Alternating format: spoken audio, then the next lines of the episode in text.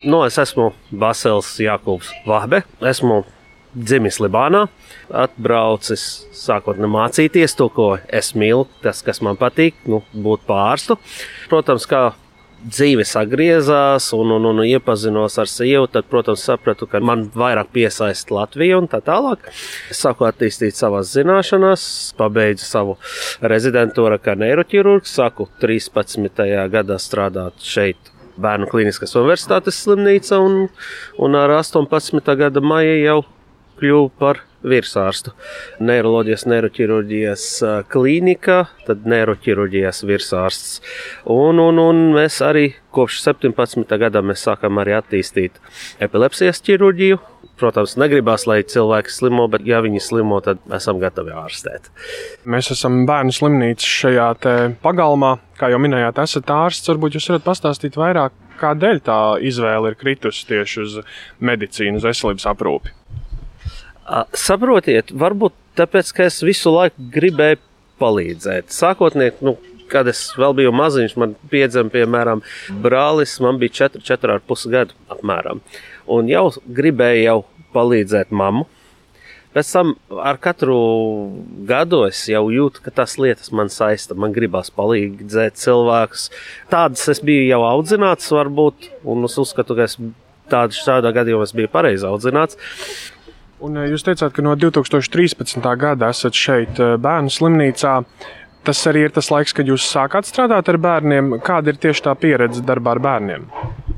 Kad rezidentūra mēs strādājam, varbūt ar bērniem tur bija tikai kaut kādi pāris mēnešus tas saucamais cikls, bet tad, kad es sāku pastāvīgi ar bērniem, tas bija no 13. gadā.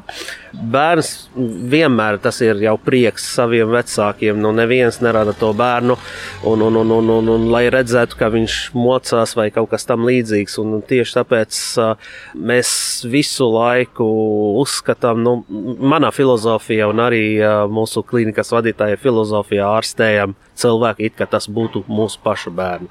Un tas ir ļoti pareizi un, un, un manā uzskatā.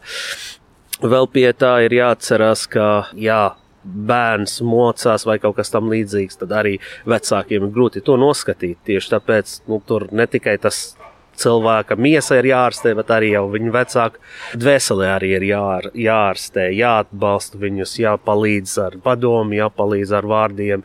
Kā arī, piemēram, Bībelē ir minēts, jūs darat to pašu man, kā jūs darat tiem maziem.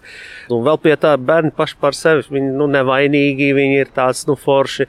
Vienmēr ir patīkamāk strādāt ar bērniem. Nu, dažiem, protams, ir savi kompleksi un tā tālāk, bet, ja mēs skatāmies uz bērniem, tur ir tādi, kur nāk nu, pilnīgi tāds prieks acīs, un ar viņiem ir prieks kontaktēties un darboties. Kad mēs uzrādām, tomēr, ka mēs gribam vislabāko, un tomēr viņi uzticās, un viņi jūtas tāds droši mūsu klātbūtni un tā tālāk, tas prieks viņa acīs un tas smaids uz seja, tas ir baigais apbalvojums. Salīdzinoši nesen jums arī piešķīra Latvijas pilsonību, un kādas tad ir tās sajūtas par šādu atzinību, pagodinājumu, kā jūs to pats saucat? Jā, ja mēs domājam vienkārši par ikdienas, varbūt dzīvi, tādas piedarības sajūtas, nu, varbūt bija šī ciešāka. Nu, es esmu tāds oficiāli skaitās. Visu laiku man ir radi, piemēram, šeit Latvijā un tā tālāk. Visi uzskata, ka tas ir mūsējais. Slimnīca saka, tas ir mūsējais. Tā kā, un arī tas bija tas šoks, tad, kad toreiz man doktora Bārziņa, mūsu uh, anestezioloģijas un, un, un intensīvas terapijas vadītāja, man uzdeva jautājumu, cik ilgi jūs esat mūsu pilsonis. Un, es, ziniet, es neesmu vēl jūsu pilsonis. Tas bija tas baisais šoks. Bet um, tad, kad reāli bija tāds, ka sanāca speciāli kopā mūsu saimas komisija un, un nolēma vienbalsīgi, tomēr, ka nu, es, man pienāktos, ka es esmu ne tikai noderīgs, bet arī nu, ka es piedaru šajā zemē. Tad uh, gan man bija tāds lepnuma sajūtas, tāds foršs, siltas sajūtas, ka nu, kaut kāds labums ir izdarīts, un varbūt es esmu atradis vietu reāli sev šitā zemē. Es esmu ne tikai atradis, bet pelnījis to vietu. Jo piedarības sajūtas ne tikai ir oficiāli uz papīriem un tā tālāk, bet es uzskatu, ka tas ir jāpelna. Ne tikai man ir tas saucamais tiesības, bet man ir arī pienākumi šeit, uh, Latvijā. Un, un, un ja viņi uzskata, ka tomēr uh, es varu gan saglabāt savās tradīcijās, savu pagātni.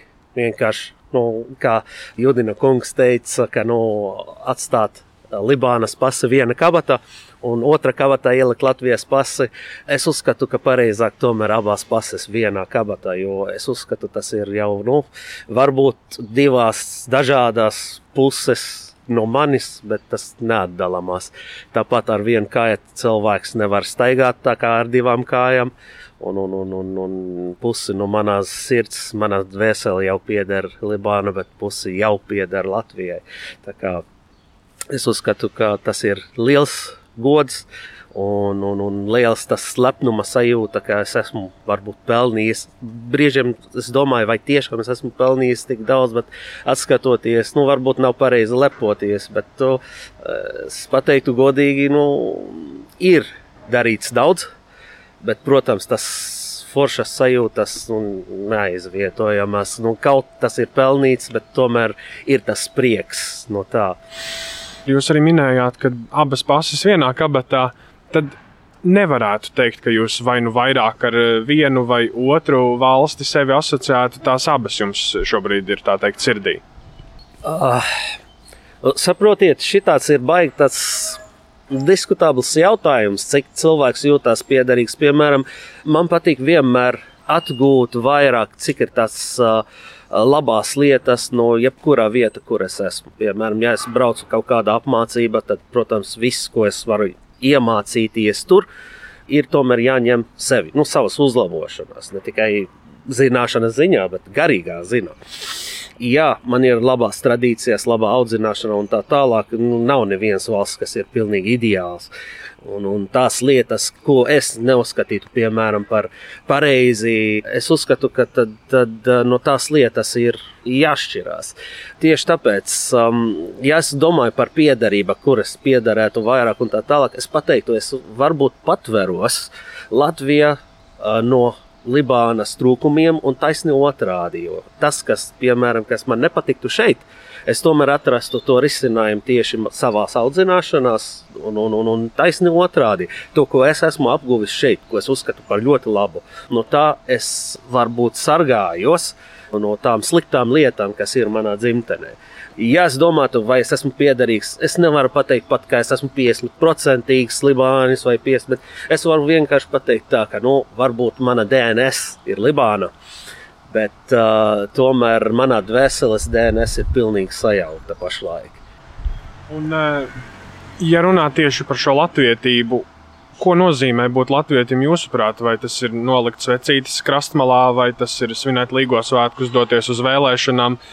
Ko nozīmē būt latvietim? Vai tas, vai tas vispār ir kaut kā definējams? Nu, es uzskatu, ka būt latvietim reāli tas nozīmē, ir jābūt gan godīgam, gan uzticīgam savai zemei, jāmīl savu zemi un arī ir jāciena kultūru. Ja mēs domājam par Libānu un Latviju, tad arī ir kaut kādas tā, teiksim, līdzīgas situācijas. Mēs neesam liela nācija, daudzi ir mēģinājuši mūs iekarot un tā tālāk. Tas, tas pēc būtības Latvija, tāpat kā Libāna, ir izgājusi jau cauri elli, lai dabūtu savu identitāti. Tāpat kā es skatos, piemēram, Latvijas teiksim, valsts svētkos, vai dziesmas un dēļas svētki, un tā tālāk. Un tad jūtos tāds siltums, lepnums sajūtas iekšā, ka nu, vot, tāda maza nacija var panākt šādu skaistumu. Vai, piemēram, kad mēs braucam uz kaut kādu vietu, kur agrāk es neesmu bijis, un skatos, ka tik forša dabā, tik labi cilvēki tur dzīvo, tad uzreiz ir tādas lepnuma sajūtas tādos momentos es identificējos kā varbūt latvietis. Un es domāju, ka katrs latvietis, īsts latvietis, laikam jūtās tāds pats. Libāna jums sanāk apciemot arī savu dzimteni? Nu, it kā es cenšos reizes gadā, diemžēl pēdējos gados nav sanācis tik labi. Nu, protams, Covid daudz ko palīdzējis, vai tieši otrādi nepalīdzējis satikt savus vecākus. Nu, tas ir pavisam savādāk nekā runāt pa telefonu, vai rakstīties WhatsApp vai kaut kas tam līdzīgs. Vienkārši, nu, kad mamma čubina un paņem rokas, tad uzreiz tādas sajūtas, ka atkal esmu mazs bērniņš. Nu, neskatoties to, ka man jau bārda sākas sirmot, bet, uh, bet jā, es cenšos Diemžēl apstākļi var vienkārši sagriezties savādāk. Brīžiem tikai redzēt, pabučot mammu un, un, un tēti, tas ir vērts, visu pasauli vērts. Kad ar jums runāja interviju, tad eh, jūsu viens tāds stingrs nē bija sarunām par politiku, jo vēlējos arī parunāt nedaudz par šo situāciju Izrēlā, Gazas joslā, jo tā tomēr ir jūsu dzimtenes kaimiņu valsts un reģions, no kur jūs nākat. Respektēju to, ka jūs par to nevēlaties runāt, bet varbūt jūs varētu paskaidrot, kādēļ šie ir temati, par kuriem jūs nerunājat. Saprotiet, man pārsvarā ir trīs tēmas, ko es uzskatu par tabū. Pirmkārt, es nekad neuzbāztos ar reliģijas lietām. Es nekad neuzbrukšu kādam virsū un mācīšu, kā viņam dzīvot. Reliģija pārsvarā tas ir starp sevi un dievam. Otrais tas ir tīri politikā, jo tas nekad man nebija saprotama lieta. Es uzskatu, viņi ir nabagi. Lai cik viņi domā, ka viņiem ir labi, viņi nekad neiepriecinās visus cilvēkus nekad nevarētu nomierināt visus cilvēkus. Tā kā viņi vienmēr būs ienaidnieki kādam citam. Un trešais pēc būtības ir, kad mēs runājam par seksu, nevis kā dzimuma akts, kā bioloģiskais process, bet vienkārši kā izklaides process. Nu, tādās lietās es uzskatu, ne tikai džentlmeniem, bet nevienam nav jādiskutē. Vienkārši atklātā veidā, un nu, tur ir labākas tēmas, ko diskutēt, nekā tās lietas. Skaidrs, paldies par eh, izsmeļošo skaidrojumu. Un es gribētu tomēr parunāt eh, par Covid. Tas jums, kā ārstam, arī ir eh, noteikti bijis ļoti pamanāms un garām nav paskrējis. Ko jums kā ārstam un arī kā vienkārši iedzīvotājam, kā vienkārši cilvēkam nozīmējis šis pandēmijas laiks? Ziniet, Covid mums varbūt iemācīja baidīties. Tāpēc, ka ja tas ir tādās lietās, piemēram, kā gripa un tā tālāk, tas jau mūžu mēs esam jau saskāruši ar to. Nekādas tādas baigās problēmas nav bijušas agrāk. Bet uh, Covid vienkārši bija pārņēmis visu pasauli. Un, uh, tur ir cilvēki, kuri to netic joprojām, diemžēl. Bet arī, ja mēs domājam par Covid, problēma ir tā izplatīšana, ir tomēr jā, jāapdomā mūsu kultūra vienkārši mūsu dzīves kultūra. Nevis nācijas kultūra, bet dzīves kultūra. Ka, nu, ja mēs necienām viens otru kā cilvēku, mēs tomēr nesargājam sevi un citus, tad mēs esam reāli viens otram draudz. Tas nav pareizi. Daudz ir diskusijas par uh, vakcinācijas. Arī man nepatīk baigi tāds iedziļināties. Es domāju, vakcinācijas, piemēram, ir pierādījušas savas efektivitātes. Nu, ne tikai par covid runājam, bet par citām lietām. Ja kas es nevaru iepriecināt ienaidniekus, pēc vakcinācijas nekas man nenotika. Nu, varbūt man bija labāka recepcija telefonā, tas ir saistīts ar 5G vai ne, to es nemācīšu pateikt. tas ir mūsu joks tagad. Bet uh, katrā gadījumā es uzskatu, ka ja mēs saprotam, kur ir tā problēma, tad varbūt arī mēs mācīsim, jo tas nav tikai ārstiem uzdevums, bet reāli eh, tas ir viss cilvēku uzdevums. Mums ir jāskatās, tas reāli posta mūs gan ekonomiski, gan sociāli nu, tas ikdienas dzīve nav tāda, kā bija. Mēs nevaram pat apciemot viens otru kā normāli cilvēki. Tur ir cilvēki, kur ir zaudējuši darbu, tur ir cilvēki, kur nevar pat nopirkt apakšveļu vai zeķes, tīri dēļ tā pandēmija. Tieši tāpēc uh, es uzskatu, ka, nu, ja mēs šādā gadījumā padomājam ne tikai par sevi, par savu izklaidi, par savu, savām vajadzībām, bet vienkārši par visu cilvēku vajadzību, es domātu, ka mēs panāktu ātrāk iztikt no tā stāvokļa. Un pašā noslēgumā, kas būtu tā pirmā lieta, ko jūs gribētu izdarīt, tad, kad ja viss atkal atgrieztos tādās sliedēs, kā bija ierasts pirms pandēmijas, kas jums pietrūkst šīs pandēmijas laikā?